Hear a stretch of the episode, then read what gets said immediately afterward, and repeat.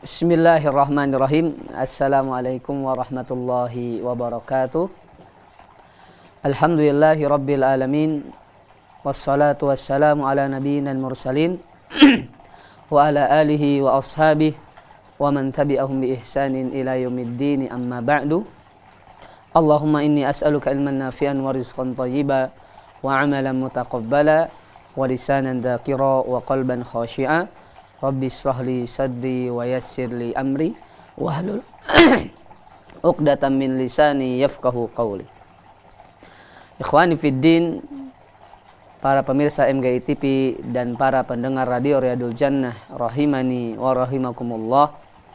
Alhamdulillah pada kesempatan pagi hari ini kita diberikan kenikmatan yang begitu besar sehingga dengan nikmat tersebut kita bisa menyempatkan untuk duduk bersama mengkaji atau melanjutkan kitab Awa'iq Talibul Ilmi. Dan kita telah sampai kepada rintangan yang keenam ya yaitu al-ghurur wal ujub wal kibar fi talabil ilmi. Tertipu dan ujub dan sombong dalam menuntut ilmu. Para pemirsa MGI TV dan para pendengar radio Riyadul Jannah rahimani wa rahimakumullah setiap manusia pernah melakukan dosa. Setiap manusia pernah lupa melakukan kesalahan. Oleh karena itu, manusia dalam bahasa Arab dikatakan nasun. Nasun adalah tempat lupa, tempat melakukan kesalahan. Maka ketika Nabi Muhammad SAW mengatakan kepada kita semua kullu bani adam khata setiap anak Adam pasti pernah melakukan kesalahan. Maka menunjukkan ya siapa pun manusia yang hidup di muka bumi pasti pernah melakukan kesalahan. Dan kita tahu baginda Nabi Muhammad SAW adalah orang yang paling mulia yang mana dosa-dosa yang telah lalu dan yang akan datang akan diampuni Allah Subhanahu wa taala. Dan ini menunjukkan bahwasannya Nabi Muhammad SAW ya pernah melakukan kesalahan, ya pernah melakukan e, dosa. Dan kita tahu bahwasanya di Al-Quran Allah Subhanahu berkata, "Abasa wa tawalla an a'ma." Nabi Muhammad SAW melakukan kesalahan di mana Nabi Muhammad SAW mengabaikan seorang sahabat yaitu Abdullah ibnu Maktum ketika meminta tazkiyah dan Allah Subhanahu wa taala menegur kesalahan Nabi Muhammad SAW.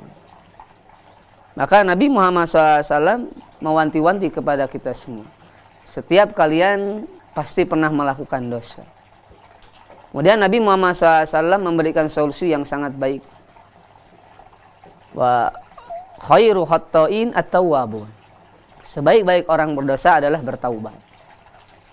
Maka ya sifat manusia pada dasarnya adalah pelupa tempat salah.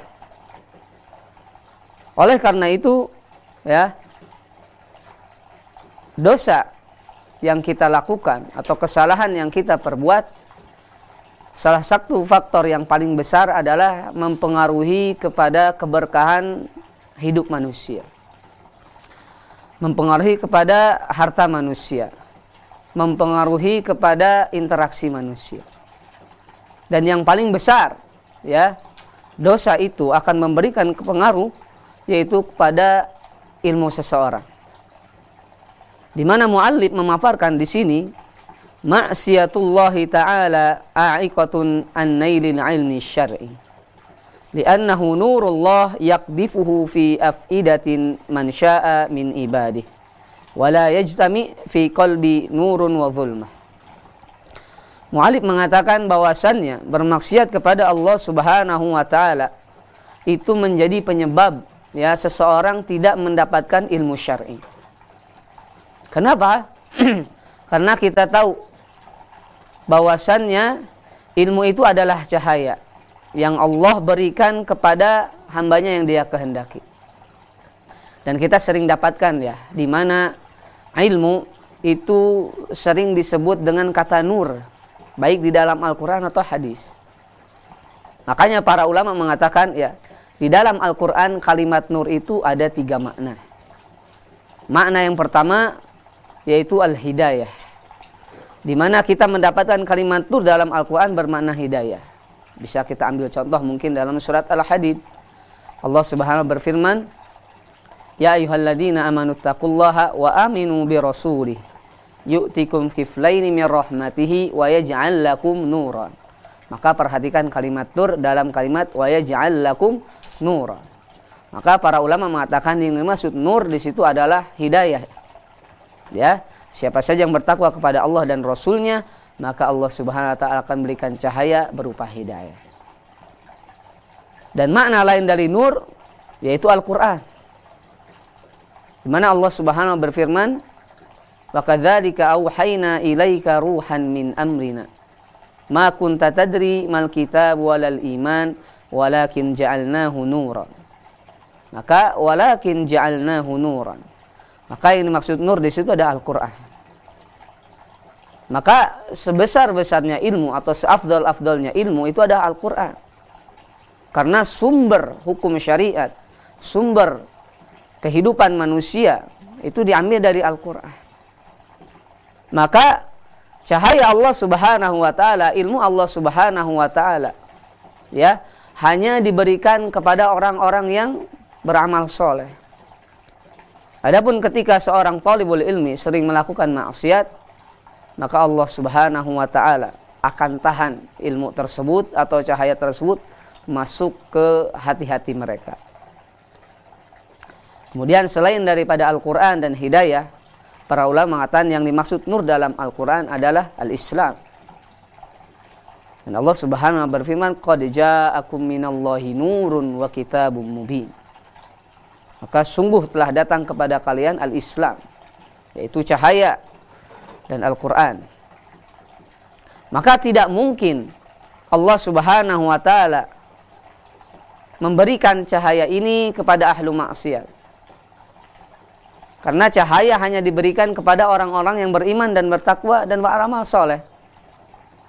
Sedangkan orang-orang yang melakukan maksiat, melakukan kezaliman, kekafiran, kekufuran, Allah Subhanahu wa taala akan berikan kegelapan. Maka kita sering dengar istilah az-zulmah. Ya, kegelapan yang disebutkan dalam Al-Qur'an atau dalam As-Sunnah. Ya.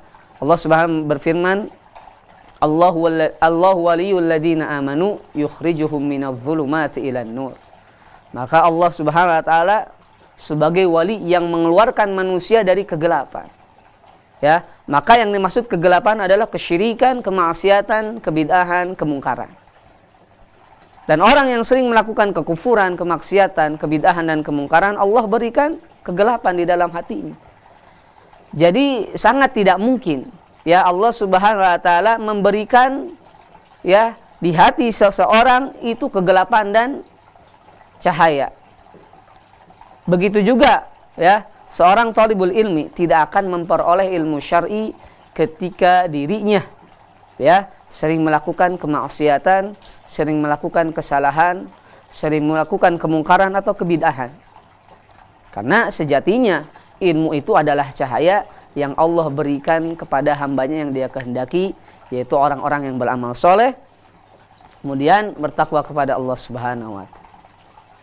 Oleh karena itu ada satu asar dari Abdullah bin Mas'ud radhiyallahu anhu beliau berkata inni la ahsab anna ar-rajula qad yansana ilma bidzambin qad ya'maluhu bahwasanya Ibnu Mas'ud mengatakan aku mengira ya bahwasannya seorang laki-laki atau seorang penuntut ilmu ketika lupa ilmunya itu disebabkan dosa yang telah dia amalkan. Maka hari ini terkadang kita susah menghafal Quran atau susah memahami pelajaran-pelajaran yang lainnya, maka kita harus introspeksi ya dengan dosa-dosa yang kita telah perbuat. Dan bisa jadi orang yang hafalannya cepat kemudian juga cepat lupa itu disebabkan dosa yang telah dia perbuat. Artinya ya kemaksiatan dengan ilmu itu kaitannya sangat erat di mana salah satu penghalang orang itu ya lambat memahami ilmu ini atau lambat menghafalkan Al-Qur'an itu disebabkan dosa-dosa yang telah dia perbuat. Dan kita tahu Imam Syafi'i rahimahullah taala adalah salah seorang imam yang sangat mulia yang memiliki hafalan yang begitu cepat. Bahkan e, dikisahkan ya bahwasanya Imam Syafi'i itu ketika dia menghafal e, ilmu ya dia sering menutup ya lembaran sebelum dia menghafal ilmu tersebut. Artinya ketika dia melihat ya lembaran yang dilihat itu langsung hafal. Saking cepatnya hafalan Imam Imam Syafi'i. Tetapi ketika Imam Syafi'i melakukan kesalahan, maka Imam Syafi'i mengatakan kepada gurunya dalam satu syair yang sangat masyur yang sering kita dengar. Syakautu ila waqi'in su'ahifdi. Aku mengadu kepada Imam Waqi. Nah, di sini Imam Waqi sebagai guru Imam Imam Syafi'i mengadukan tentang buruknya hafalanku. Padahal kita tahu Imam Syafi'i rahimahullah masuk orang yang paling cepat menghafal Al-Quran, menghafal ilmu-ilmu yang lainnya. Tapi ketika berbuat kesalahan, Imam Syafi'i mengadu kepada gurunya tentang buruknya hafalannya. Maka Imam Waki memberikan pesan kepada Imam Syafi'i. Beliau mengatakan fa'arsyadani ila tarkil ma'asi. Maka Imam Waki ya mengarahkan kepadaku agar aku meninggalkan seluruh kemaksiatan, seluruh keburukan. Kemudian Imam Waqi mengatakan kepada Imam Syafi'i, fa akhbarani bi anna al-ilma nurun. Maka Imam Waqi setelah memberikan solusi agar Imam Syafi'i meninggalkan kemaksiatan-kemaksiatan, kemudian dia mengabarkan bahwasannya ilmu Allah Subhanahu wa taala adalah cahaya. Nah, ini menunjukkan bahwasannya ya makna dari nur ya selain daripada hidayah dan Islam itu adalah ilmu. Kemudian wa nurullah la yuhda ilal asi. Dan bahwasanya cahaya Allah Subhanahu wa taala ilmu Allah Subhanahu wa taala tidak akan diberikan kepada orang yang sering bermaksiat. Maka salah satu penghalang yang sangat besar di dalam menuntut ilmu ini, di dalam memahami ilmu ini adalah seseorang masih sering melakukan keburukan, kemaksiatan. Para pemirsa MGI TV yang senantiasa dirahmati Allah Subhanahu wa taala, ya. Sebagai prolog e, pada kesempatan pagi hari ini, ya bahwasannya merupakan keberkahan seseorang penuntut ilmu di mana seorang itu sering beramal soleh melakukan kebaikan dan merupakan hambatan yang sangat besar orang itu memahami ilmu ini adalah dia sering melakukan maksiat. Nah, apa atau kemaksiatan apa yang paling besar ya sebagai penghalang penuntut ilmu ini yang mana ilmu tersebut atau cahaya Allah Subhanahu wa taala tidak akan diberikan kepada ahlu maksiat. Maka insya Allah kita akan jelaskan ya dosa-dosa atau keburukan yang sering dilakukan oleh penuntut ilmu yang bisa menghalangi seorang penuntut ilmu untuk mendapatkan cahaya Allah Subhanahu wa taala atau ilmu Allah Subhanahu wa taala setelah jeda berikut ini.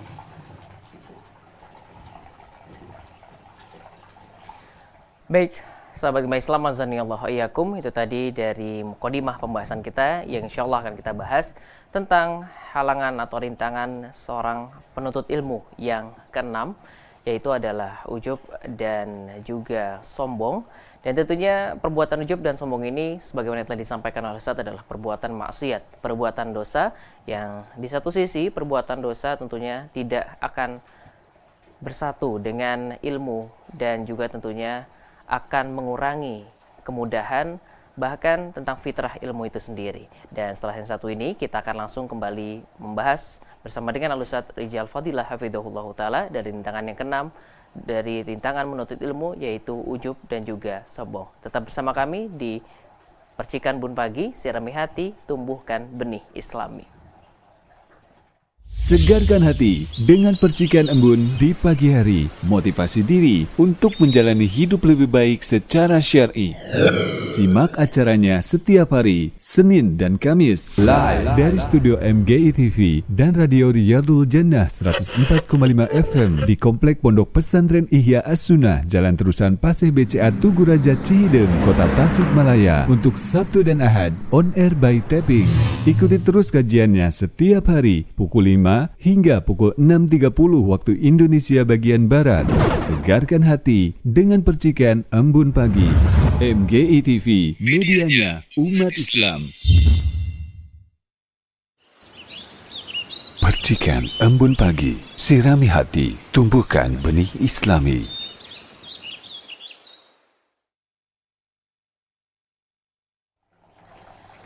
Para pemirsa MGI TV dan para pendengar radio Radio Jannah rahimani wa rahimakumullah. Setelah kita membahas berkaitan dengan uh, ilmu Allah Subhanahu wa taala yang Allah akan berikan kepada hamba-hambanya yang beramal soleh. Dan Allah Subhanahu wa taala akan tahan ilmu tersebut kepada orang-orang yang sering berbuat maksiat. Maka muallif menjelaskan di sini wa inna akbah ma talabbasa bihi talibul ilmi minal ma'asi kulluha qabihun. Ya bahwasannya seluruh kemaksiatan itu adalah buruk. Maka ada satu kebiasaan atau satu keburukan yang sering dilakukan oleh talabul ilmi. Apa kemaksiatan yang sering dilakukan oleh seorang penuntut ilmu maka di sini mu'alif mengatakan at-takabbur wa ta'azum wal ghurur. Yaitu sering ujub, berbangga diri, sombong dan tertipu. Fayaz dari hada wa yartafi hada. Dengan kesombongannya, talabul ilmi tersebut sering menghinakan seseorang dan membanggakan dirinya sendiri. Dan kita tahu bahwasannya sombong ini adalah satu kemaksiatan yang pertama dilakukan oleh makhluk Allah Subhanahu wa taala di langit dan di bumi. Maka kalau kita mentelaah di dalam Al-Qur'an Allah Subhanahu wa taala berfirman di berbagai surat, salah satunya dalam surat Al-Baqarah, kemudian dalam surat Al-A'raf, kemudian dalam surat As-Saffat juga ada. Dalam surat Sod juga disebutkan bahwasanya Allah Subhanahu wa taala mengkisahkan bagaimana ya Allah Subhanahu wa taala mengusir iblis laknatullah alaih. Maka ketika Allah Subhanahu wa taala memerintahkan seluruh malaikat bersujud kepada Adam alaihissalam.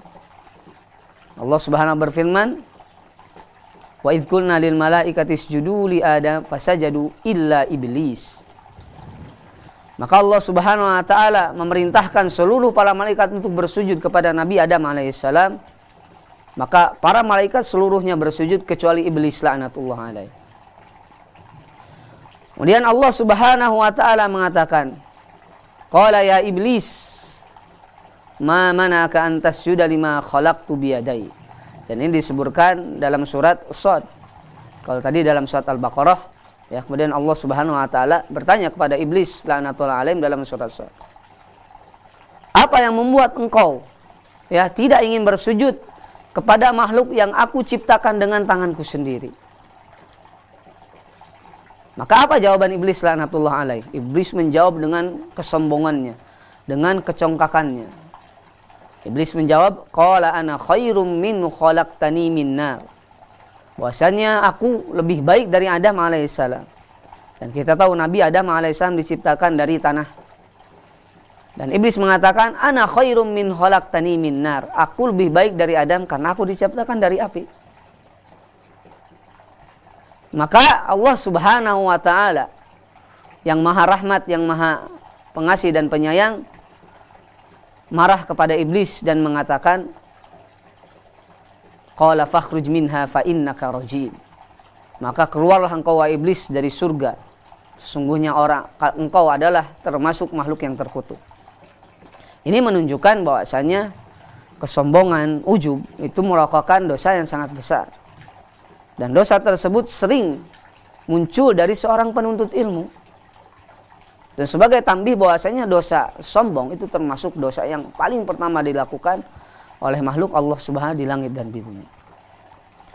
Maka ketika seorang sombong dan ujub ya dengan ilmunya maka akan muncul sifat yang namanya sering merendahkan orang lain. Ya. Kemudian selain daripada merendahkan diri orang lain, mualif mengatakan wayat tabakhtar fil mashi wa yatashaddaq fil kalam. Di mana seorang yang sombong itu akan berjalan dalam keadaan congkak. Kemudian yatashaddaq fil kalam. Maka dia juga akan membesar-besarkan omongannya. Ya, selain daripada tadi menghina orang lain, membanggakan dirinya, kemudian dia berjalan dengan congkak. Ya, kemudian dia juga sering membesarkan perkataan-perkataannya. Makanya Allah Subhanahu wa taala memberikan pesan kepada kita semua supaya kita termasuk hamba-hamba yang dicintai Allah Subhanahu wa taala. Dan Allah Subhanahu wa taala mengajarkan kepada kita semua bagaimana kita berjalan di muka bumi ini.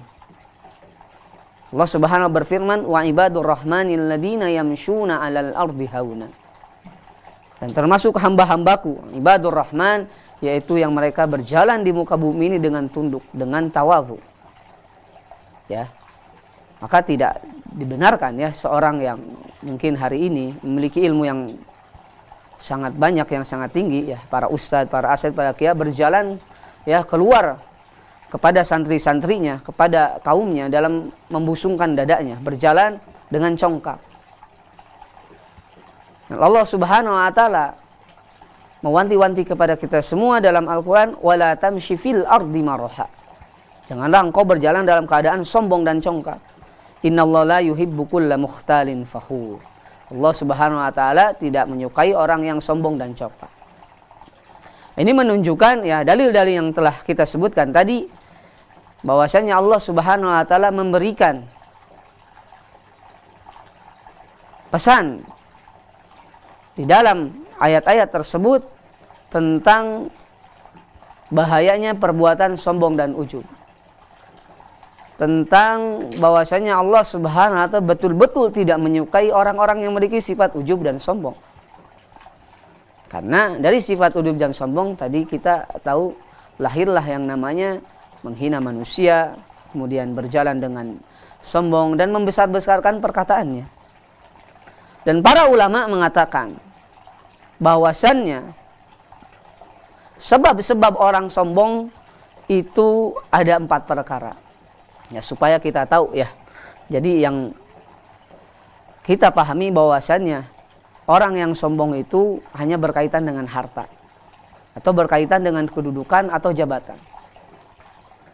Tetapi kita tahu bahwasanya para ulama mengatakan sombong yang paling buruk yaitu berkaitan dengan perkara ilmu. Oleh karena itu, ya, para ulama mengatakan sebab-sebab orang sombong itu ada empat perkara. Yang pertama berkaitan dengan alma, berkaitan dengan harta. Ya. Maka ketika seorang sombong berbangga diri dengan hartanya, Allah Subhanahu wa taala ya di dalam Al-Qur'an mengatakan Inna Qarun kana min qaumi Musa fabaghaw alaihi. Bahwasannya Qarun itu termasuk kaum Nabi Musa alaihissalam. Wa atainahu minal kunuzi ma inna mafatihahu latanu bin usbah. Bahkan dikisahkan dalam Al-Qur'an ya kekayaan Qarun itu dikatakan ya bahwasannya orang-orang yang kuat ya itu sampai berat memikul kunci-kunci harta Qarun ini menunjukkan harta kurun begitu banyak. Maka ketika kaumnya bertanya kepada Korun, dari mana engkau mendapatkan harta tersebut? Maka Korun menjawab dalam Al-Quran dengan kesombongan dan kecongkakannya, Qala innama utihitu ala ilmin indi. Bahwasanya ya seluruh hartaku itu dihasilkan dari keringatku, dihasilkan dari ilmuku. Maka Allah Subhanahu wa taala ya membalas kesombongan Qarun dan mengatakan fakhosafna bihi wa bidalihil. Dengan kesombongan dan kecelakaan Allah Subhanahu wa taala tenggelamkan Qarun bersama hartanya ke dasar bumi. Dan Allah Subhanahu wa taala ya selain daripada menjawab kesombongan Qarun dengan mendenggelamkan ke dasar bumi, Allah Subhanahu wa taala mengatakan, ya Qala innama utitu ala ilmin indi. Awalam ya'lam anna Allah qad ahlaka min qablihi minal quruni man huwa ashaddu minhu quwwatan wa aktsaru jam'a. Maka ini poin penting bagi kita semua bahwasannya Allah Subhanahu mengatakan tidakkah kamu tahu wahai Korun banyak orang-orang sebelum engkau yang kami binasakan padahal mereka lebih kuat dan lebih kaya dari engkau. Maka istilah zaman sekarang ketika orang mencari harta ya disebut harta korun. Nah ini ada kisah yang sangat kuat, kolerasi yang sangat kuat di mana Allah Subhanahu Wa Taala menenggelamkan harta korun ke dasar bumi. Nah ini berkaitan dengan harta. Jadi ketika seorang sombong dengan harta, Allah Subhanahu Wa Taala akan membalas perbuatan tersebut. Maka tidak ada satu orang pun hari ini yang memiliki harta ya yang banyak kemudian dia sombong kepada Allah Subhanahu wa taala atau sombong kepada manusia. Kalaulah sombong itu diperbolehkan di dalam harta, maka tentunya Nabi Sulaiman yang lebih berhak.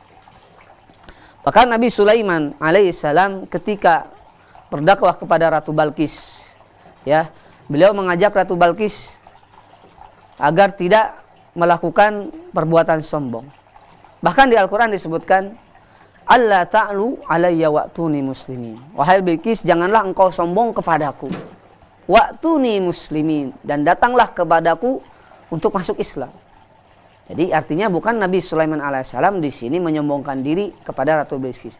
Tapi sejatinya kalau seandainya kesombongan itu ya diperbolehkan dari segi harta, maka Nabi Sulaiman yang paling berhak untuk sombong di muka bumi ini.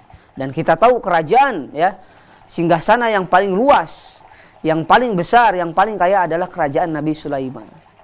Bahkan Nabi Sulaiman alaihissalam ya berdoa kepada Allah Subhanahu wa taala dalam surat Sad, qala rabbi habli mulkan la yang bagi li ahadin min ba'di. Wahai Rabb, berikanlah kekayaan kepadaku dan janganlah engkau berikan kekayaan sepertiku kepada orang lain. Ini menunjukkan Sulaiman, Nabi Sulaiman alaihissalam begitu kaya. Tapi Nabi Sulaiman alaihissalam adalah seorang nabi yang tunduk kepada Allah Subhanahu wa taala dan tidak pernah menyombongkan dengan kekayaannya kepada Allah Subhanahu ini di poin yang pertama ya, sebab-sebab orang itu sombong karena harta. Sebab yang kedua yaitu sombong karena nasab, karena keturunan. Dan ini masih terjadi sampai hari ini. Bahkan Nabi Muhammad SAW ya, ketika melihat ada di antara para sahabat yang mana mereka saling merendahkan kobilah mereka, keturunan mereka ya kalau mungkin di Indonesia sekarang eh, orang-orang yang masih menjaga keturunan itu orang daerah Sumatera, orang Batak ya, kenal ada istilah Siregar, Sitohang ya. Nah, dalam di negeri Arab yang namanya kobilah atau keturunan atau marga itu masih dijaga erat. Dan di antara para sahabat ada yang saling menghina merendahkan uh, keturunan mereka. Maka Nabi Muhammad SAW menegur dan mengatakan tiga perkara ya tiga perkara atau tiga sifat jahiliyah yang masih ada pada diri kalian dan akan senantiasa senantiasa ada sampai hari kiamat. Salah satunya adalah berbangga-bangga dengan nasab. Ya, ada istilah keturunan e, darah biru, ya. Maka ini tidak dibenarkan di dalam Islam. Karena kita tahu ya, nasab itu tidak menjadikan atau tidak menjadikan sebab seorang masuk masuk surga. Allah Subhanahu wa taala mengatakan inna akramakum indallahi atqakum. Ya, orang yang paling bertakwa atau yang paling mulia di sisi Allah Subhanahu wa taala adalah orang yang paling bertakwa di antara kalian. Ya, walaupun seorang tersebut ya berasal dari budak. Kita tahu Bilal bin Rabah radhiyallahu anhu adalah seorang budak dari negeri Habasyah. Ya, kalau mungkin kita lihat keturunannya ya dari negeri yang begitu miskin, negeri Ethiopia sekarang. Dan beliau itu berasal dari budak yang berkulit hitam. Tidak bisa dibanggakan dari segi fisiknya. Tapi ketika Rasulullah SAW ya Isra Mi'raj kemudian mendengar dua terompah Bilal sudah ada di surga. Maka Rasulullah mengatakan, apa yang membuat engkau masuk surga wahai Bilal? Maka Bilal mengatakan, tidaklah aku berwudu melainkan aku sholat dua rakaat. Ini menunjukkan bahwasannya keturunan ya fisik tidak membawa seorang masuk surga. Dan ketika seorang sombong ya dengan harta dan jabatan ataupun dengan nasab itu menjadikan dia masuk neraka. Kemudian di poin yang ketiga yang menyebabkan orang itu sombong yaitu al-mansob jabatan. Jabatan ini juga masih sering dibanggakan hari ini oleh sebagian manusia. Ya. Jabatannya mungkin ya ketika hari ini seorang guru ya, sebagian kecil mungkin seorang guru ya. Seorang guru ketika bertemu dengan santrinya ya tidak menyapa, tidak senyum. Kenapa? Karena itu merupakan suatu kegengsian. Ketika bertemu dengan seorang murid harus senyum, kemudian harus dan ngobrol. Maka kenapa? Karena dia memandang kedudukannya sebagai guru. Atau seorang mudir mungkin ya. Mudir ma'had tidak ingin bergaul dengan ustad-ustadnya, tidak ingin bergaul dengan santrinya. Kenapa? Karena itu merupakan suatu ya kegengsian. Artinya dia masih memandang jabatannya. Dan sifat ini juga adalah sifat jahiliyah. Ya, yang senantiasa ada sampai dengan hari ini. Maka kita lihat ketika Fir'aun laknatullah alaih menolak dakwah Nabi Musa alaihissalam ya Fir'aun laknatullah alaih. Kenapa? Tidak merespon dakwah Nabi Musa alaihissalam salah satu faktornya adalah karena sombong dengan jabatannya. Dia tidak ingin ya jabatannya sebagai raja yang kuat ketika itu. Yang memiliki singgasana yang besar ya mengikuti dakwah Nabi Musa alaihissalam karena Nabi Musa alaihissalam bukan dari kalangan bangsawan, bukan dari keturunan yang memiliki silsilah keluarga yang tinggi. Maka setiap kita yang memiliki jabatan, kemudian kita sombong dengan jabatan tersebut, maka Allah Subhanahu wa taala akan membalas perbuatan sombong tersebut. Maka di poin yang keempat, ya yang menyebabkan orang itu sombong adalah berkaitan dengan al-ilmu. Dan para ulama mengatakan min asyarril kibar. Ya, seburuk-buruk kesombongan ya, selain daripada harta, kemudian ilmu, nasab dan man, dan mansob yaitu berkaitan dengan ilmu. Dan kita tahu orang yang sombong dengan ilmunya Allah Subhanahu wa taala akan binasakan. Dan tadi kita sudah sebutkan kisah Korun alaih, Korun laknatullah alaih di mana Korun selain daripada sombong dengan hartanya, maka Korun juga sombong dengan ilmunya. Dan Firaun laknatullah alaih ketika Allah Subhanahu wa tenggelamkan dia ke dasar laut. Maka Firaun laknatullah alaih mengatakan, "Qalu amanna bi rabbil alamin." Kami beriman ya kepada Rob Musa maka Allah Subhanahu wa taala mengatakan sudah terlambat. Bahwasannya Firaun laknatullah alaih yang menolak dakwah ini karena kesombongan ilmu dan hartanya. Maka ketika ditanya, ya, siapa Rob di alam semesta ini? Maka Firaun laknatullah mengatakan, "Qala ana rabbukumul a'la." Aku adalah Rob yang paling tinggi di muka bumi ini. Maka dengan ilmunya Fir'aun laknatullah dia melakukan kesombongan kepada manusia. Maka Allah Subhanahu wa taala menenggelamkan Firaun ke dasar laut disebabkan kesombongan harta dan ilmunya. Oleh karena itu, Allah Subhanahu wa taala berfirman dalam Al-Qur'an, "Tilka darul akhirah naj'aluha lilladzina la yuriduna uluwan fil ardi wala fasad." Maka kami jadikan akhirat ini, surga ini bagi orang-orang yang tidak menginginkan kesombongan ketika mereka hidup di muka bumi ini. Maka dikisahkan ya, dalam hadis Nabi Muhammad SAW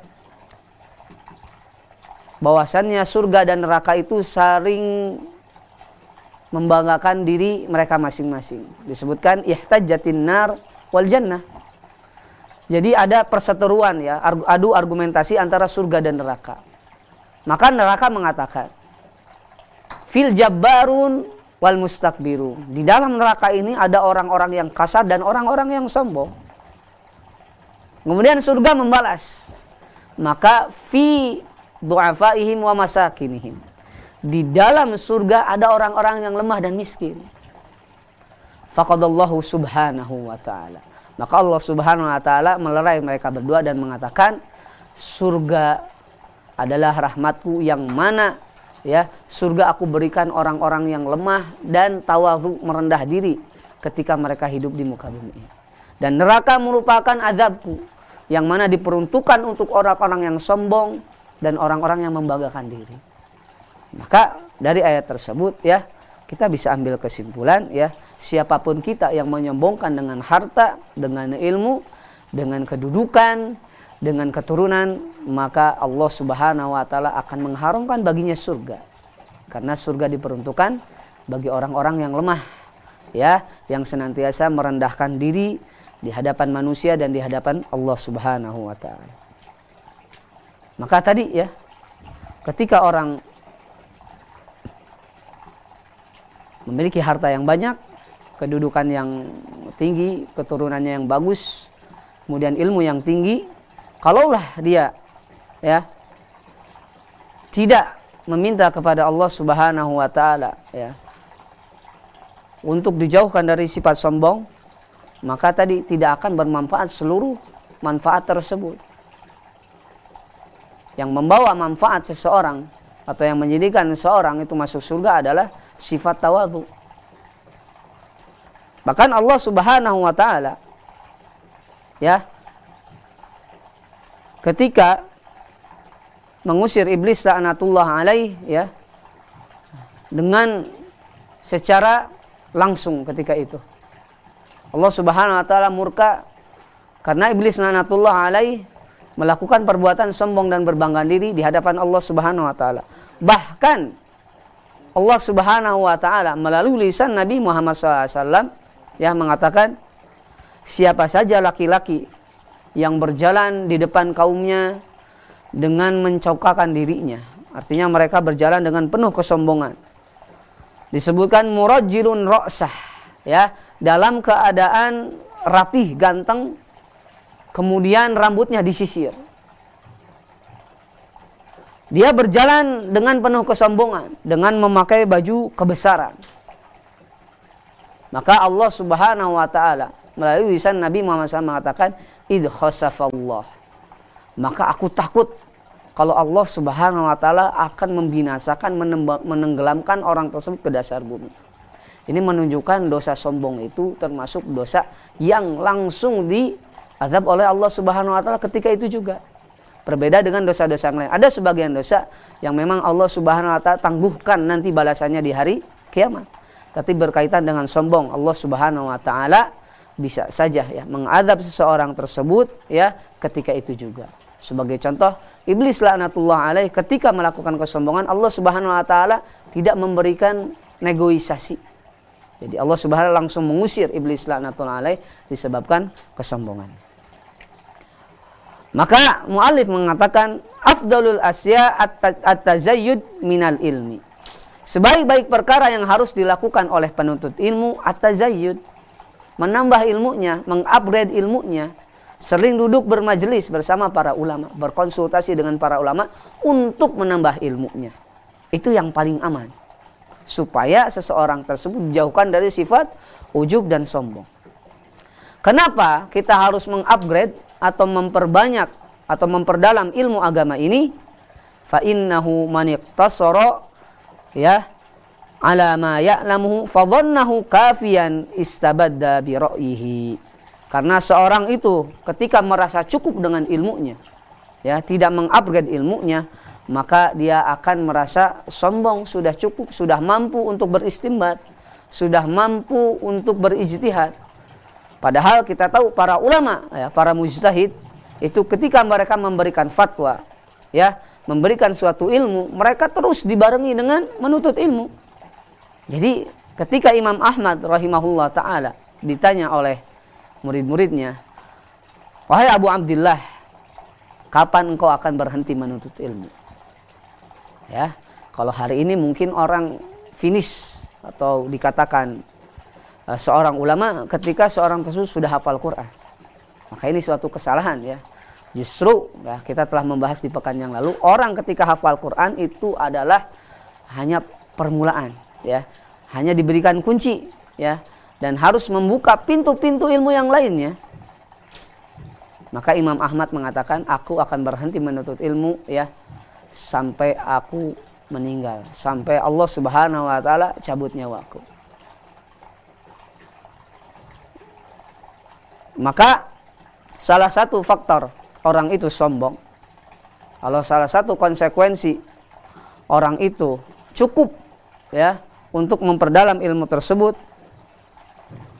maka orang tersebut itu tidak akan mendapatkan kebaikan-kebaikan di dalam agama ini. Ketika seorang sombong ya, ketika iblis laknatullah alaih sombong di hadapan Allah Subhanahu wa taala, maka Allah Subhanahu wa taala tidak memberikan kebaikan yang begitu besar. Yang di mana ya Allah Subhanahu wa taala akan janjikan ya, kepada orang-orang yang ikhlas nanti beramal di dalam kehidupannya Allah akan berikan surga. Tetapi Allah Subhanahu wa taala janjikan kepada iblis laknatullah alaih neraka. Dan Allah Subhanahu wa ketika itu juga ya mengusir iblis laknatullah alaih dari surga. Dan ini merupakan kebaikan yang sangat besar yang akan Allah berikan kepada manusia dan para jin nanti di akhirat. Maka orang yang sombong itu tidak akan mendapatkan kebaikan. Kemudian Di sini disebutkan bahwasannya lawan dari sombong adalah tawadhu, yaitu merendahkan diri di hadapan Allah Subhanahu wa taala dan di hadapan manusia. Bahkan ketika seorang salafus soleh ditanya, "Man nikmatul lati la yahsudu 'alaiha sahibuha?"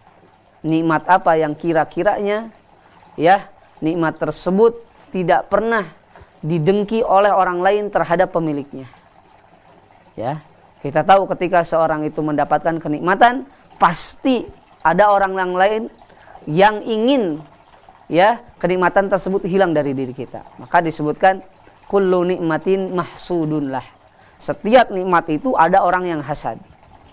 Ketika kita punya ilmu pasti ada orang yang hasad. Yang ingin mengimbangi ilmu kita atau mungkin lebih tinggi daripada kita. Ketika kita memiliki nikmat harta pasti di sana ada orang yang iri yang ingin harta kita hilang atau ingin menyaingi harta kita. Ketika kita memiliki jabatan, maka ada di sana orang-orang yang menginginkan jabatan kita hilang atau mungkin ingin mengungguli jabatan kita. Setiap nikmat ini ada orang yang maka ada satu nikmat ya yang makna nikmat tersebut tidak akan pernah didengki oleh orang lain yaitu nikmat di mana seorang itu memiliki sifat tawadhu nikmat seorang itu memiliki rendah hati di hadapan Allah Subhanahu wa taala dan di hadapan manusia. Maka ada satu kisah di mana seorang sahabat Abdullah bin Amr bin As ketika itu berbincang-bincang dengan Rasulullah SAW dan para sahabat yang lainnya. Maka keluarlah seorang laki-laki dengan menenteng satu sandal dan Rasulullah mengatakan bahwasanya laki-laki tersebut adalah penghuni surga. Maka dengan penuh rasa penasaran Abdullah bin Amr bin As ini ya ingin mengetahui amalan apa sekiranya yang membuat laki-laki tersebut bisa dijamin oleh Allah Subhanahu wa taala sebagai penduduk surga. Ya, kalau mungkin diistilahkan zaman sekarang itu kepo, ya. Kemudian Abdullah bin Umar datang kepada rumah lelaki tersebut dan mengatakan nah di sini Abdullah bin Abdullah bin Amr bin As afwan ya mengatakan bahwasanya orang tuaku mengusirku sehingga aku ini bingung mau tidur di mana. Maka orang tersebut mempersilakan Abdullah bin Amr bin As untuk tidur di tempatnya. Maka ketika malam hari Abdullah bin Amr bin As ini mengintip ya amalan apa yang dilakukan oleh orang tersebut. Maka ketika melihat laki-laki tersebut tidak ada satu amalan pun yang istimewa yang dilakukan oleh laki-laki tersebut ya. Tidak ada sholat malam tidak sahur puasa senin kamis atau amalan-amalan yang lainnya ya di hari yang kedua Abdullah bin Amr bin Amas juga memperhatikan kegiatan laki-laki tersebut. Maka tidak ada satu amalan yang istimewa yang menjadikan seorang tersebut menjadi orang yang dijamin masuk surga. Maka di hari yang ketiga sama ya. Tidak ada satu amalan yang istimewa yang dilakukan oleh laki-laki tersebut. Maka Abdullah bin Amr mengatakan, wahai saudaraku, ya sungguhnya Rasulullah mengatakan engkau itu adalah penduduk surga. Maka berikan atau beritahu aku amalan apa yang menjadikan engkau dijamin masuk surga. ya maka di antara ya, karena ini banyak riwayat yang mengatakan ya salah satunya adalah di mana aku tidak pernah ya ingin menghilangkan ya atau menghilangkan kenikmatan yang ada pada diri orang lain. Tidak ada rasa hasad. Selalu merendah diri kepada Allah Subhanahu wa taala. Maka ini menunjukkan amalan yang kecil ya, yang bisa kita lakukan itu bisa menjadikan kita masuk surga. Dan kita tahu ya, kesombongan itu adalah kemaksiatan yang mudah kita lakukan. Untuk orang sombong tidak butuh. Apa namanya? Tidak butuh tenaga. Dengan mengucapkan ya dengan dia jalan penuh kesombongan maka itu sudah dihitung oleh Allah Subhanahu wa taala sebagai bentuk kesombongan. Tetapi lihat balasan Allah Subhanahu wa taala kepada kita ya sebagai penuntut ilmu terkhusus ketika melakukan suatu kesombongan dengan ilmu kita, maka ilmu kita tidak akan menjadi berkah di sisi Allah Subhanahu wa taala dan di sisi manusia. Oleh karena itu, muallif mengatakan la yarham alaihi sahibu. Ketika seorang sahabat soleh ditanya, apa dosa atau musibah yang sangat besar yang mana Allah Subhanahu wa taala tidak akan sungkan-sungkan untuk mengadab orang tersebut.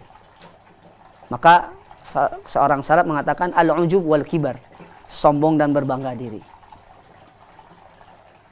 Nah, kita coba ambil ya contoh-contoh kisah-kisah yang ada di dalam Al-Qur'an.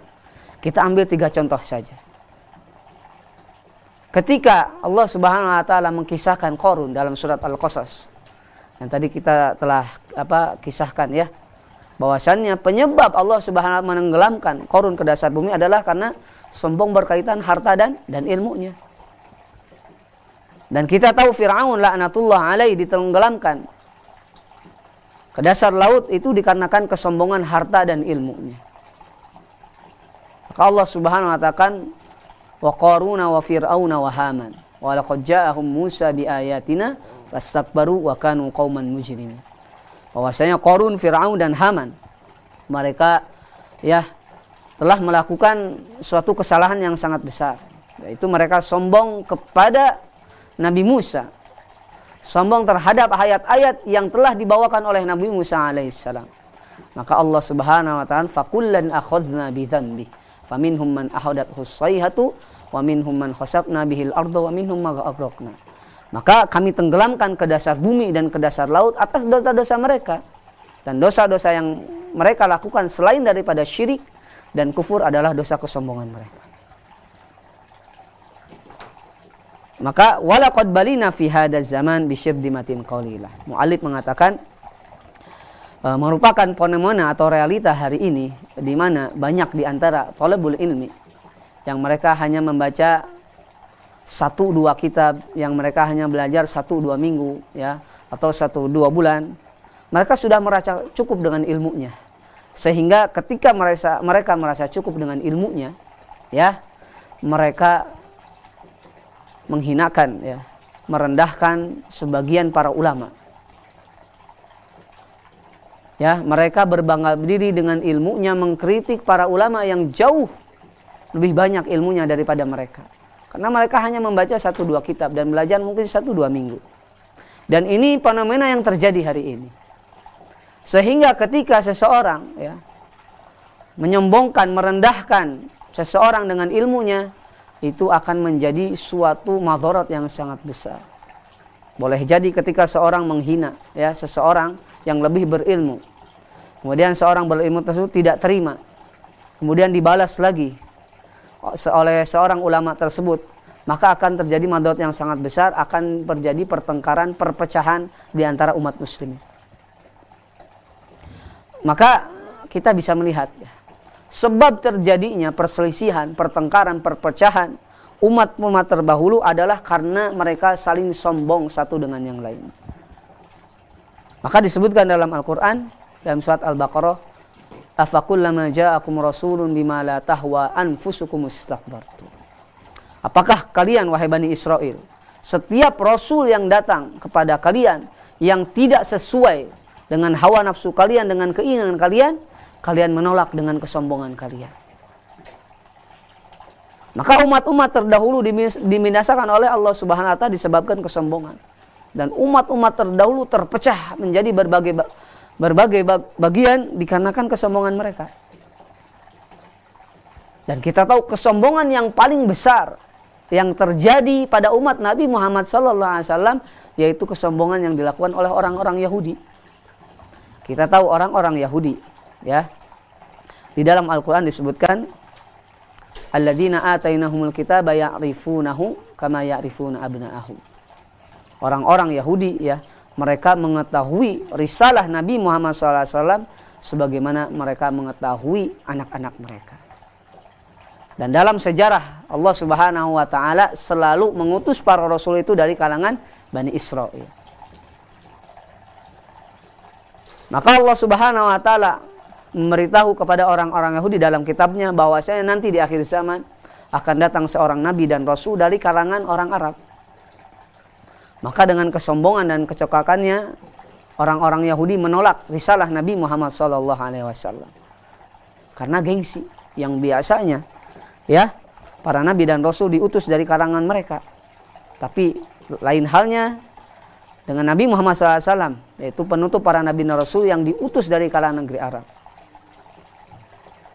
dan dengan kesombongannya mereka menolak risalah Nabi Muhammad SAW dan Nabi Muhammad SAW mengatakan walladhi nafsi biyadih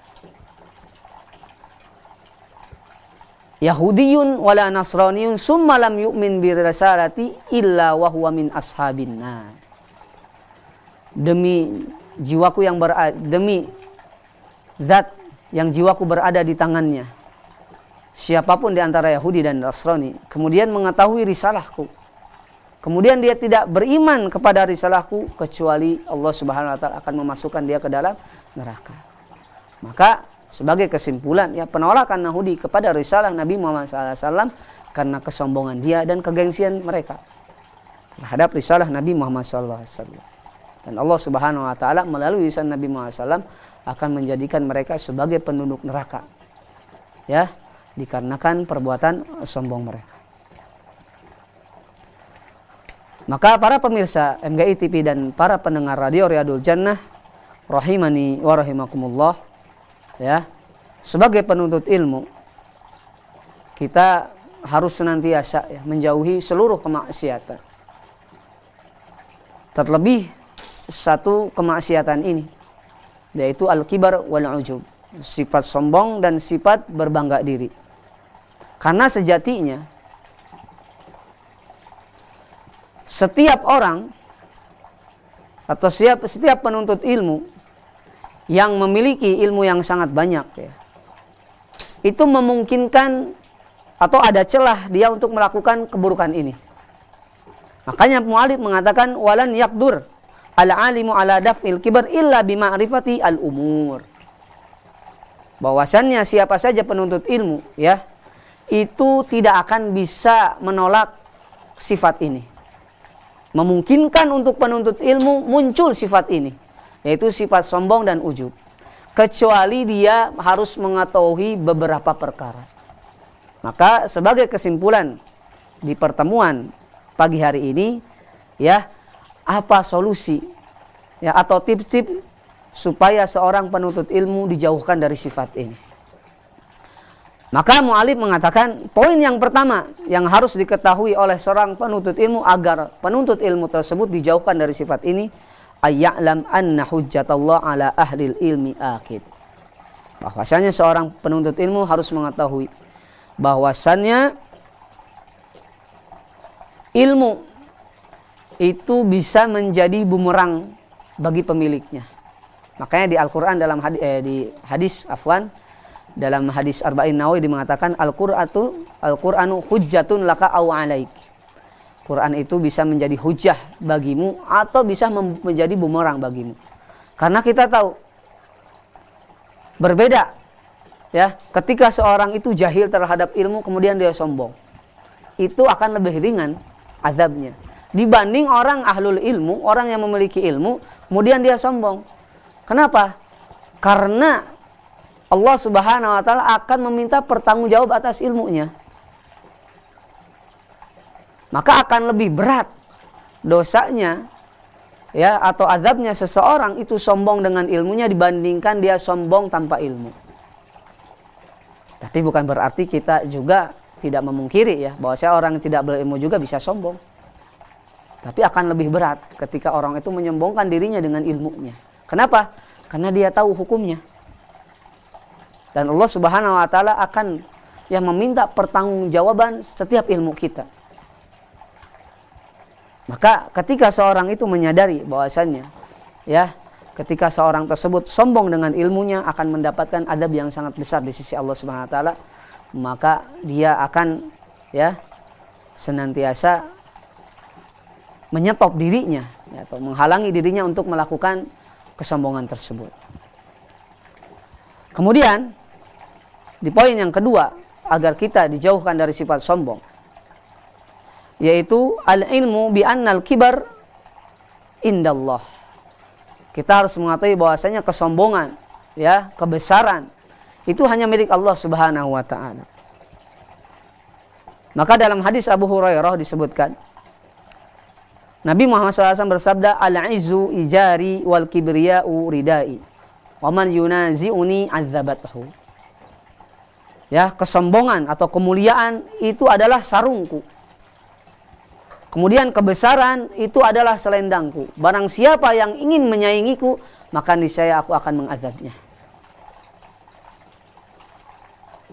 Maka ilmu yang kita miliki hari ini, harta yang kita miliki hari ini, kemudian kedudukan, keturunan yang kita miliki hari ini, itu tidak akan pernah bisa menandingi kebesaran Allah Subhanahu wa taala tidak akan pernah bisa menyaingi keagungan Allah Subhanahu wa taala.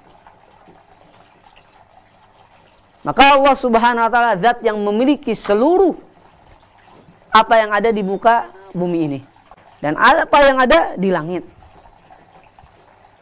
Tidak bisa seorang manusia pun menyombongkan diri di sisi Allah Subhanahu wa taala. Maka Allah Subhanahu wa taala mengatakan Maliki Yaumiddin. Ayat ini sering kita baca ya setidaknya 17 kali ya setiap hari. Yaitu raja di antara para raja. Ya. Maka raja hari ini yang memiliki singgah sana ya, yang memiliki jabatan ketika mereka di hadapan Allah Subhanahu wa taala pada hari kiamat, mereka adalah orang-orang yang lemah yang tidak bisa menyombongkan dengan harta dan kedudukannya karena kesombongan dan keagungan milik Allah Subhanahu wa taala. Maka seorang penuntut ilmu ketika memahami poin ini itu akan senantiasa berintrospeksi untuk tidak melakukan ya perbuatan ini yaitu kesombongan dan berbangga diri. Di poin yang ketiga ya obat atau solusi supaya kita dijauhkan dari sifat sombong yaitu iktidak bisiratin Nabi sallallahu alaihi wasallam. Kita meniru melihat kepada perilaku Nabi Muhammad SAW dalam hidupnya. Maka tidak ada dalam hadis ya atau dalam asar para sahabat bahwasanya Nabi SAW berjalan di antara para sahabat dengan membusungkan dadanya. Tidak pernah Nabi Muhammad SAW ya membedakan kasta satu sahabat dengan sahabat yang lainnya. Maka apa yang terjadi hari ini? Ya. Mungkin kita lihat ya di berbagai negara masih membedakan ya antara kasta manusia satu dengan yang lainnya. Kita ambil contoh mungkin di negara India ya, ada istilah Brahmana Sudra. Ya. Kalau Brahmana itu dari kalangan raja, kalau Sudra itu dari kalangan budak. Dan ini masih terjadi sampai hari ini. Di negara India ya, bahwasannya yang namanya kasta itu sangat dibedakan. Dan Nabi Muhammad SAW semasa itu tidak pernah membedakan Nabi Muhammad SAW tidak pernah membedakan antara Bilal dengan Abu Bakar. Dalam arti dalam muamalah. Ya, kemudian dalam memberikan ilmu. Bahwasanya Bilal itu dari kalangan budak. Kemudian Utsman bin Affan dari kalangan bangsawan. Abdurrahman bin Auf dari kalangan ya pengusaha. Itu tidak pernah dibedakan. Maka kita harus melihat sirah Nabi Muhammad SAW dalam bermuamalah. Tidak pernah dalam satu hadis atau satu athar para sahabat Nabi Muhammad SAW menyombongkan dirinya kepada para sahabat. Kemudian poin selanjutnya supaya kita terjauh dari sifat-sifat sombong atau ujub yaitu zikrul akhirat. yaitu kita mengingat perkara akhirat. Di mana kita telah jelaskan bahwasanya neraka dan surga ya saling berargumentasi. Dan kita lihat argumentasi yang sangat kuat yang dikatakan oleh neraka adalah di dalamnya ada orang sombong dan orang-orang kasar. Surga mengatakan di dalam surga itu ada orang-orang yang lemah dan orang-orang yang tawadhu. Maka siapa saja yang ingin melakukan kesombongan, ujub berbangga diri, maka tempatnya neraka. Nah, ini menjadi motivasi sehingga kita berintrospeksi ya untuk ya, tidak melakukan perbuatan ini. Kemudian di poin yang terakhir ya, supaya kita dijauhkan dari sifat-sifat ujub ya dalam menuntut ilmu, maka muhasabah khalqin nas berintrospeksi tentang awal mula penciptaan manusia kalau kita lihat Adam alaihissalam diciptakan dari dari tanah. Dan kita tahu tanah itu merupakan kalau kita mungkin setiap manusia bisa mengambil tanah hari ini ya dengan sesukanya. Maka merupakan tanah tersebut bukan barang yang berharga mungkin. Dan kita lihat ya selain daripada Nabi Adam alaihissalam para manusia itu diciptakan dari apa? Allah Subhanahu wa taala khuliqa mimma indafik. Manusia diciptakan dari air yang terpancar yaitu dari sperma seorang laki-laki. Min ayyi syai'in khalaqah. Terbuat apa? Atau terbuat dari apa manusia? Min nutfatin khalaqahu faqaddarah. Terbuat dari air yang hina, dari air sperma. Kemudian Allah Subhanahu wa taala menjadikan ya sperma tersebut segumpal darah. Kemudian Allah Subhanahu wa taala menjadikan dari segumpal darah yaitu segumpal daging sampai Allah Subhanahu wa taala meniupkan ruh kepada rahim ibu tersebut. Kita bisa lihat, kalau kita menyombongkan diri, kita harus berkaca diri. Kita terbuat dari apa? Kita bukan terbuat dari besi. Kita bukan terbuat dari emas yang mungkin emas hari ini merupakan barang yang sangat berharga. Kita terbuat ya dari air yang sangat hina, dari air yang semema. Maka apa yang patut kita banggakan? Kalau kita terbuat dari sesuatu yang hina, apa yang patut kita banggakan ya terhadap para manusia?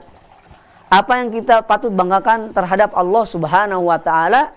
Zat yang menciptakan kita, yang menciptakan langit dan bumi ini, yang mengatur alam semesta ini.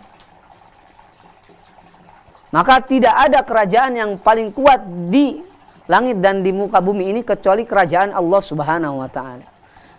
Yang nanti Allah Subhanahu wa taala akan tampakkan di hari kiamat terhadap raja-raja yang ada di muka bumi ini. Maka tadi beberapa poin yang kita sebutkan ya, supaya kita dijauhkan dari sifat sombong. Ya, semoga poin-poin tersebut bisa kita amalkan sebagai bentuk ya introspeksi kita agar kita tidak menyombongkan diri kita berkaitan dengan ilmu kita, harta kita atau kedudukan kita. Wa sallallahu ala nabiyyina Muhammad wa ala alihi wa ashabihi wa man tabi'ahum bi ihsanin ila yaumiddin. Amma ba'd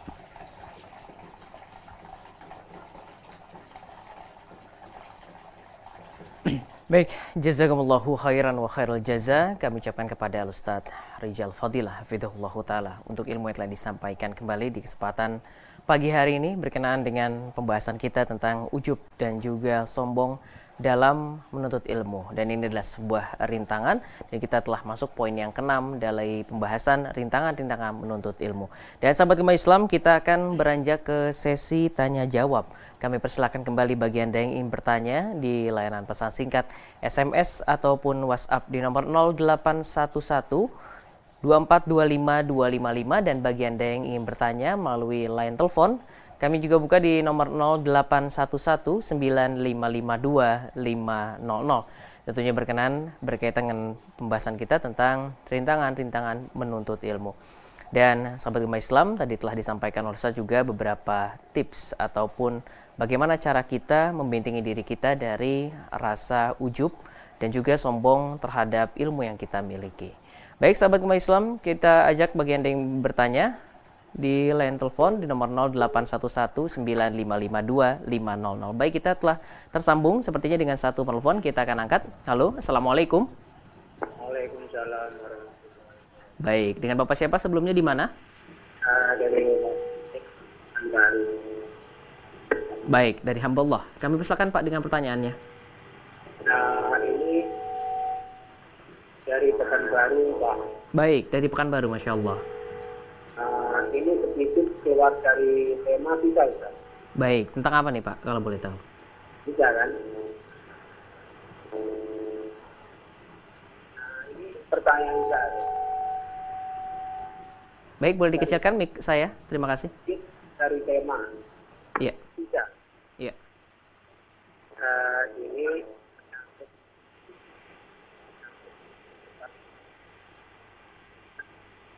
Iya, silakan Pak.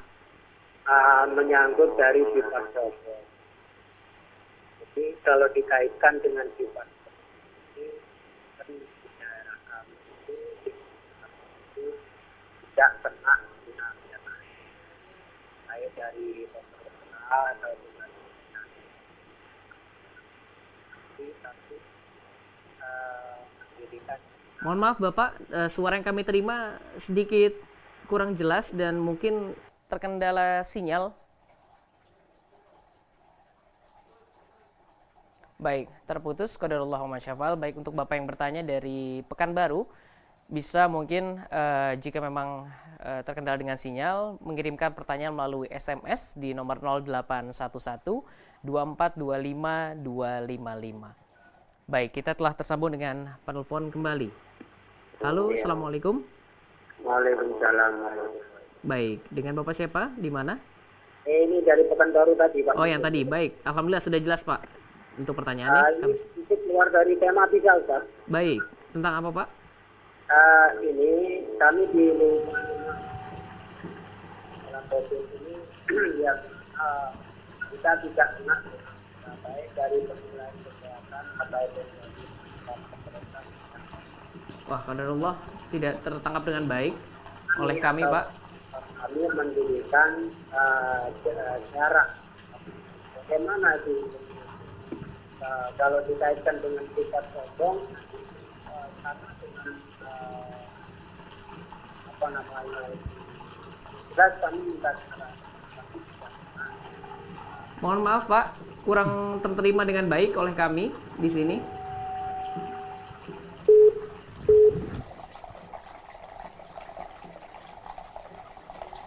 Baik, qadarullah wa masyafal.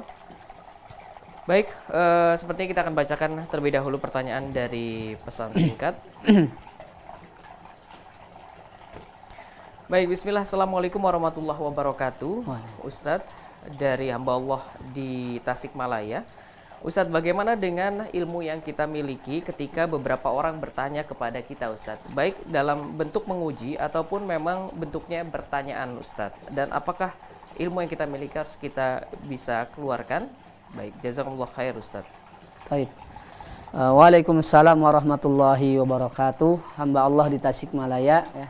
Berkaitan apakah mungkin termasuk suatu kesombongan ketika kita di- ditanya ya oleh seseorang dan kemudian apakah kita harus menjawab pertanyaan tersebut?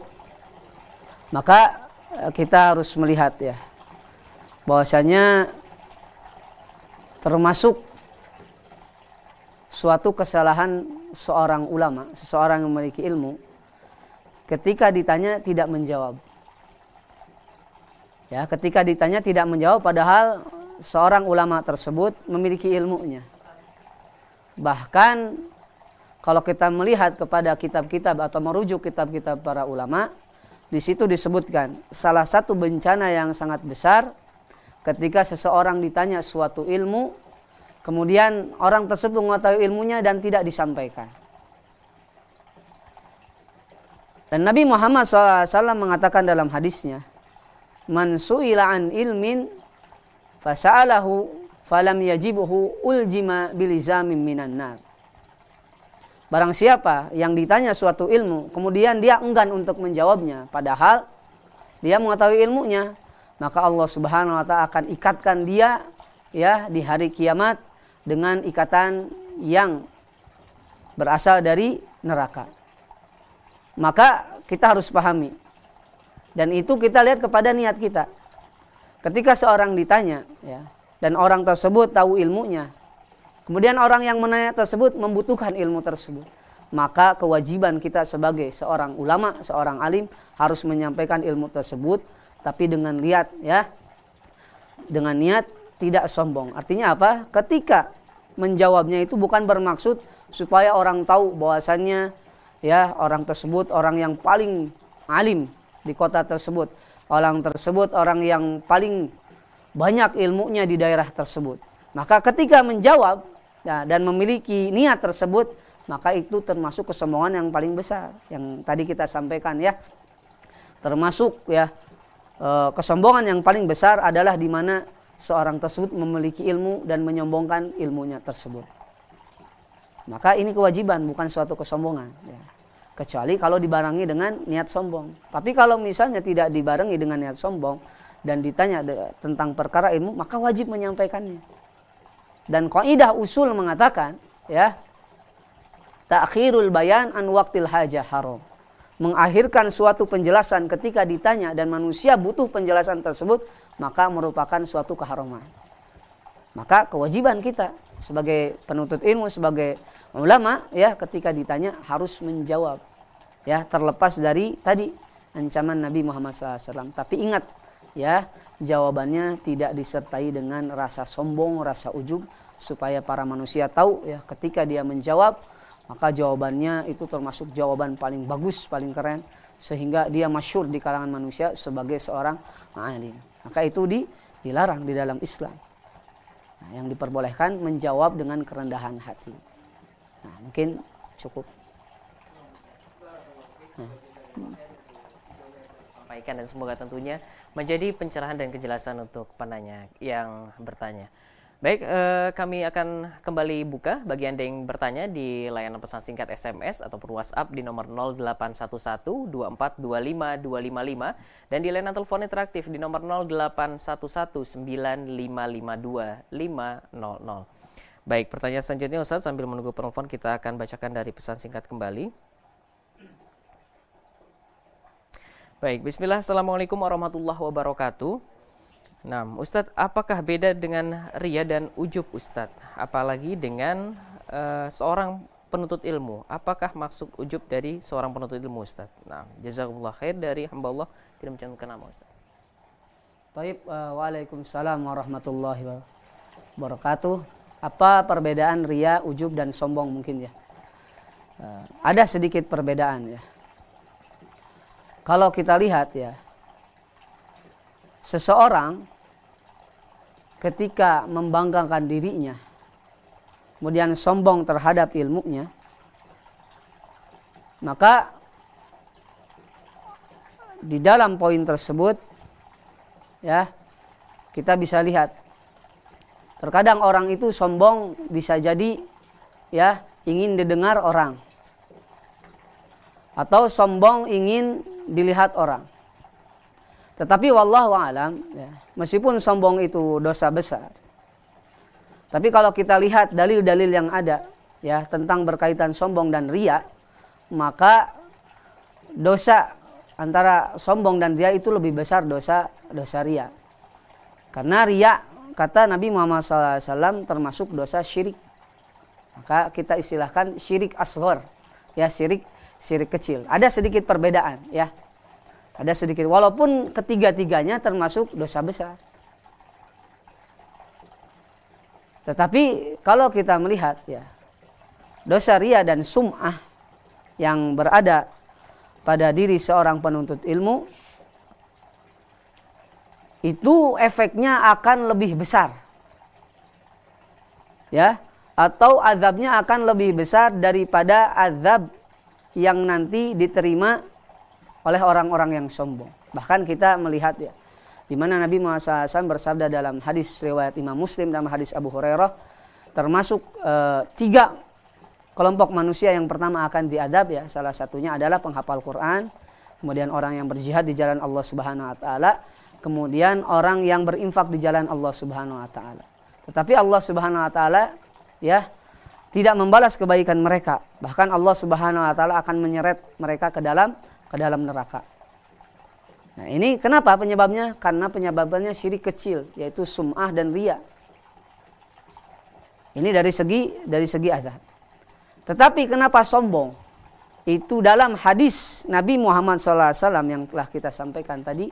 Kemudian dalam ayat Al-Quran, bahwasanya azab sombong itu lebih disegerakan daripada azab ria.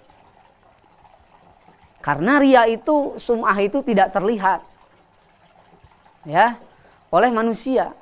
Bahkan seorang yang melakukan ria pun terkadang tidak merasa bahwasanya dirinya melakukan perbuatan ria dan sum'ah. Lain halnya dengan sombong, walaupun sombong itu mungkin ya di akhirat itu azabnya lebih ringan daripada dosa ria dan sum'ah. Tetapi disegerakan di dunia. Kenapa? Karena sombong itu terlihat oleh manusia. Efeknya lebih besar daripada sum'ah dan ria. Maka ketiga-tiganya kalau kita bilang ada perbedaan ada. Ya, tadi perbedaannya dari segi nampak dan tidak nampak. Kalau sum'ah dan ria itu mungkin tidak terlalu nampak. Bahkan seorang yang melakukan ria itu tidak tidak tidak merasa bahwasanya dia melakukan perbuatan. Tapi kalau sombong, perbuatan lebih jelas dan lebih nampak efeknya terhadap manusia. Ya, karena kesombongan itu datang dari dirinya sendiri dan dia merasa ya ketika melakukan perbuatan tersebut. Nah, oleh karena itu Allah Subhanahu wa taala di dalam Al-Qur'an dan di dalam hadis ya lebih menyegerakan azab orang yang melakukan sombong. Karena tadi ya efeknya lebih besar terlihat oleh oleh manusia. Wallahu a'lam bishawab. Wajazakumullahu khair kembali untuk satu jawaban dari pertanyaan dan semoga menjadi kejelasan untuk penanya dan bagi sahabat Islam yang lainnya. Baik Ustaz, uh, pertanyaan tadi sebagai penutup pada jumpa kita di kesempatan pagi hari ini berkenan dengan uh, tema kita yaitu tentang rintangan menuntut ilmu. Dan insya Allah kita akan kembali melanjutkan bersama Ustadz pada kesempatan pekan mendatang. Tapi sebelum itu kita akan berikan kesempatan kembali kepada Ustadz untuk memberikan uh, kesimpulan serta juga faidah dari apa yang telah dibahas di kesempatan pagi hari ini. Kami persilakan Ustadz Baik para pemirsa MGI TV dan para pendengar radio Radio Jannah rahimani wa rahimakumullah setelah kita membahas berkaitan dengan rintangan keenam di mana para ulama mentanbih mewanti-wanti kepada kita semua sebagai penuntut ilmu agar kita selalu bertawadhu, merendah hati dan kita selalu ya menjauhkan diri kita, membentengi diri kita dari perbuatan ujub dan kibar. Dan kita senantiasa berdoa kepada Allah Subhanahu wa taala agar kita selalu istiqomah dalam menuntut ilmi ilmu ini dan selalu dijauhkan dari sifat-sifat tersebut sehingga ilmu kita bisa bermanfaat, bisa berkah ya di sisi Allah Subhanahu wa taala dan di sisi manusia. Barakallahu walakum subhanakallahumma wa bihamdika asyhadu an la ilaha illa anta astaghfiruka wa atubu ilaik. Wassalamualaikum warahmatullahi wabarakatuh.